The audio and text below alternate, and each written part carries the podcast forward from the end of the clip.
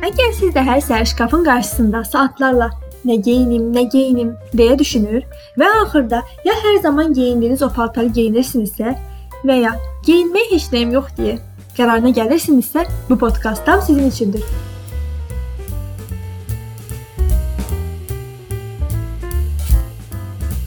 Salamlar hamıya. Podkastın 3-cü bölümündə hamınızı xoş gördük. Necəsiniz? Necə keçir günləriniz? Mən yaxşıyam. Kofemi də alıb podkast yazmaq üçün kompüterimin qarşısına keçmişəm. Bu gün burada seçim çoxluğunun mənfi tərəflərindən biraz bəhs etmək istəyirəm. Başlamadan öncə deyim ki, bu podkastı yazmaq üçün Amerikalı psixoloq Barry Schwartz'ın The Paradox of Choice kitabından və elə həmin kitab haqqında olan TED Talk-undan istifadə etmişəm. Kitabın Azərbaycanca tərcüməsi yoxdur, amma TED Talk-una qulaq asmaq istəsəniz, onun türkçə alt yazısı var. Nəysə, gəlin keçək söhbətə. İlk eşq, ilk sevgili, ilk görüşmə, ilk intervyu, ilk iş, ilk maaş. İlklər heç vaxt unudulmaz. Misal, mən ilk intervyumu heç vaxt unutmaram. Yaşımı soruşmuşdular və səhv cavab vermişdim.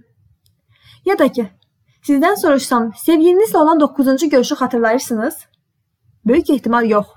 Amma onunla olan ilk görünüşü çoxunuz ən xırda detayına kimi danışa bilərsiniz. Mən də təxminən bundan bir ay əvvəl ilk işimi seçmə ərəfəsində idim. Nəyə fikir verməliyəm? Necə seçməliyəm? Nə qədər maaş bu iş üçün yaxşıdır? Necə insanlarla işləməyi sevirəm? Heç bir fikrim yox idi. Amma bunlara rəğmən qarşımda verməli olduğum çox önəmli bir seçim var idi. Podkastın birinci bölümünü xatırlayırsınızsa, orada magistri bu il bitirdiyimi və indi iş axtarmağa çalışdığım haqqında biraz məlumat vermişdim. Mən yay boyu intervyular vermişdim və onlardan ikisindən müsbət cavab almışdım. Müsbət meyllər mənə gələndə çox sevinmişdim. Seçimin məndə olması, seçilən deyil də seçən ola bilmək məni çox sevindirirdi. Amma vaxt keçdikcə hər şey dəyişirdi.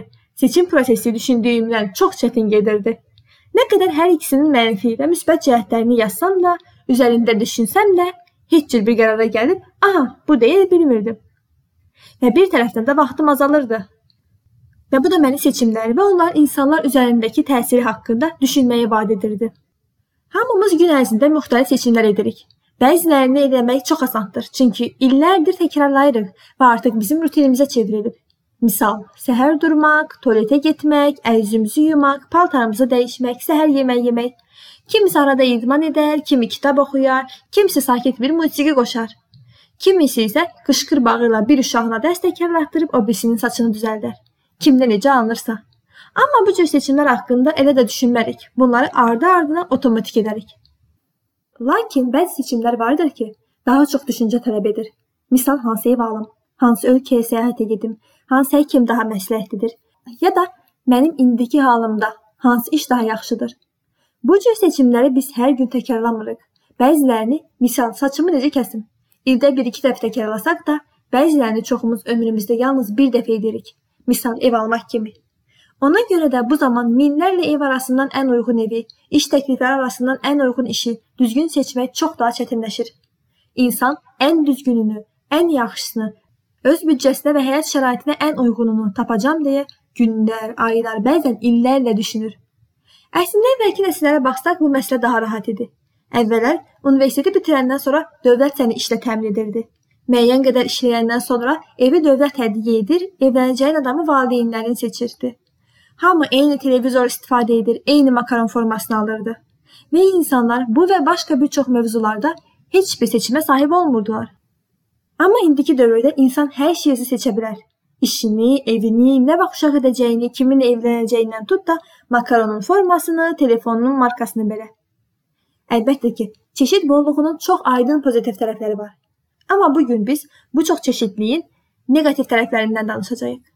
Minlərlə çeşid arasından tam olaraq istədiyini tapmaq ilk görünüşdə azadlıq kimi görünsə də, bu insan üçün düşündüyüdən daha çətin gəlir. İlk olaraq araşdırmalar göstərir ki, bu qədər çeşid arasından insanlar çox vaxt bir şey seçməkdənsə heç bir şey seçməmək üstün tutur. Çünki çox halda insanlar bu gün qalsın sabah edərəm, sabah olanda bu gün qalsın sabah edərəm deyərək seçimi ləngidirlər və o sabah heç vaxt gəlmir. Tutaq ki, ev almaq üçün pul yığılır. Sonra ev almaq vaxtı gələndə neçə otaqlı olsun, harda olsun, Bina olsun yoxsa həyət ev olsun? Bina evi neçənci mərtəbədə olsun? Təzə bina yoxsa köhnə bina? İçi remontlu yoxsa yox? Bla bla deyərkən, o evləri bir-bir gəzərkən aylar, illər keçir və pul ortalıqda başqa bir şey üçün xərclənir bitir.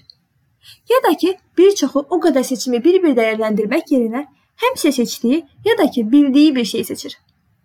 Misal, düşünün ki, telefon almaq istəyirsiniz. Amma hal-hazırda marketdə yüzlərlə telefon markası və hər birinin onlarla telefonu var.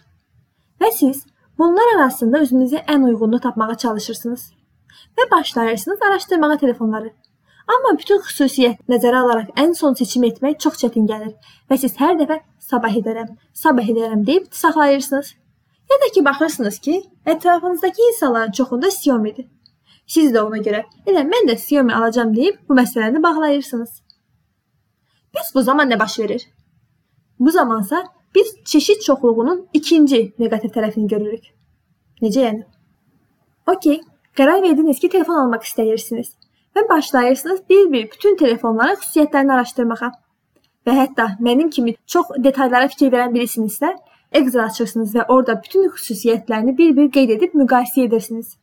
Sonra tanış tunuşa zəng edib hamısından bir-bir məsləhət alırsınız və axırda bir telefona qərar verirsiniz. Gedirsiniz mağazinə telefon almağa. Tam seçəcəyiniz anda bir işçi yanınıza yaxınlaşaraq, əgər istəsəniz, kreditlə son model iPhone ala bilərsiniz. Onun funksiyaları seçdiyinizdən daha yaxşıdır deyir. Və sizin beyninizdə dəli kimi hesablama getməyə başlayır. Buna dəyərmi, dəyməzmi deyə. Qarşınızda Apple-in hər şeycə daha üstün telefonu və siz və siz yenidən qərar vermək prosesi, hər şeyə yenidən nəzər yetirmək prosesi deyərkən biraz daha əsəbi olursunuz və fikirləriniz daha da qarışır. Və sonda tutaq ki, deyirsiniz ki, yox, mənim pulum bu qədərdir və mənə Apple yox, Xiaomi bəsdir. Və Xiaomi telefonu alaraq evə gedirsiniz. Və niyəsə artıq evdən çıxarkən olan həyəcandan içinizdə heç biriz yoxdur. Tam tərsi, özünüzü daha pis hiss edirsiniz. Niyə? Əlinizdə köhnə telefonunuzdan qat-baqat daha güclü, çox yaddaşlı, son model telefon var. Və siz özünüzü niyə xoşbəxt hiss etmək yerinə daha üzgün və yorğun hiss edirsiniz? Çünki artıq əlinizdə təzə bir telefon olsa belə, siz bilirsiniz ki, bundan daha yaxşısına sahib ola bilərdiniz. Amma siz onu seçmədiniz. Hər şeyin o qədər çeşidi var ki, bəlkə o an bizim üçün ən düzgününü seçmiş olsaq da, özümüzü günün sonunda daha xoşbəxt yox, daha fikirləri qarışıq və yorğun tapırıq. Bəs belə etsəydim, bəs o birisini seçsəydim düşüncələri içində. İnternetin həyatımıza girməsi ilə də mükəmməlçilik anlayışı həyatımızın artıq hər anındadır. Instagramda daim çox gözəl görünən qızlar, YouTube-da hamının mükəmməl günlük rutini, LinkedIn-də hər kəsin möhtəşəm təhsil və iş həyatı və bunların digər ucunda isə biz. Görəsən düz işi seçdinmi? Düz fakültəyə verdinmi? deyə özümüz özümüzü yeyirik. Xüsusilə bizim kimi hər şeyin ən yaxşısını etməlisən. Məktəbdə ancaq 5 almalısan, universitetə qəbul imtahanında maksimum bal yığmalısan, yaxşı görünməlisən, özünü yaxşı aparmalısan deyə böyüdülən səhvin, qeyri-adiliyin əsla qəbul olunmadığı, ağlamağın zəiflik kimi qəbul olunduğu bir cəmiyyətdə böyümüsünüzsə, onda bu qədər çeşidin arasından və onlar arasında mükəmməli axtarmaq çabasının sizi nə qədər yorduğunu çox gözəl başa düşürəm.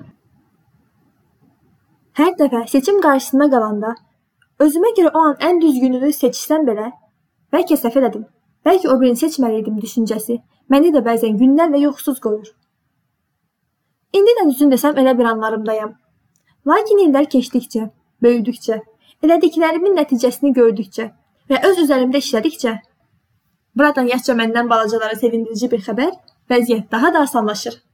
Və əmin olun ki, öz verdiyin qərara doğru getmək, fərq etməz qərarın mükəmməl deyə yox, bu dünyanın ən mükəmməl hissidir. Unutma, həyat seçimlərdən ibarətdir. Həyatını başqalarının əllərinə vermə. Sevgilerle gelen görüşlere dek. Ah bu arada beni Instagram'dan izlemeyi de unutmayın. Sevgilerle.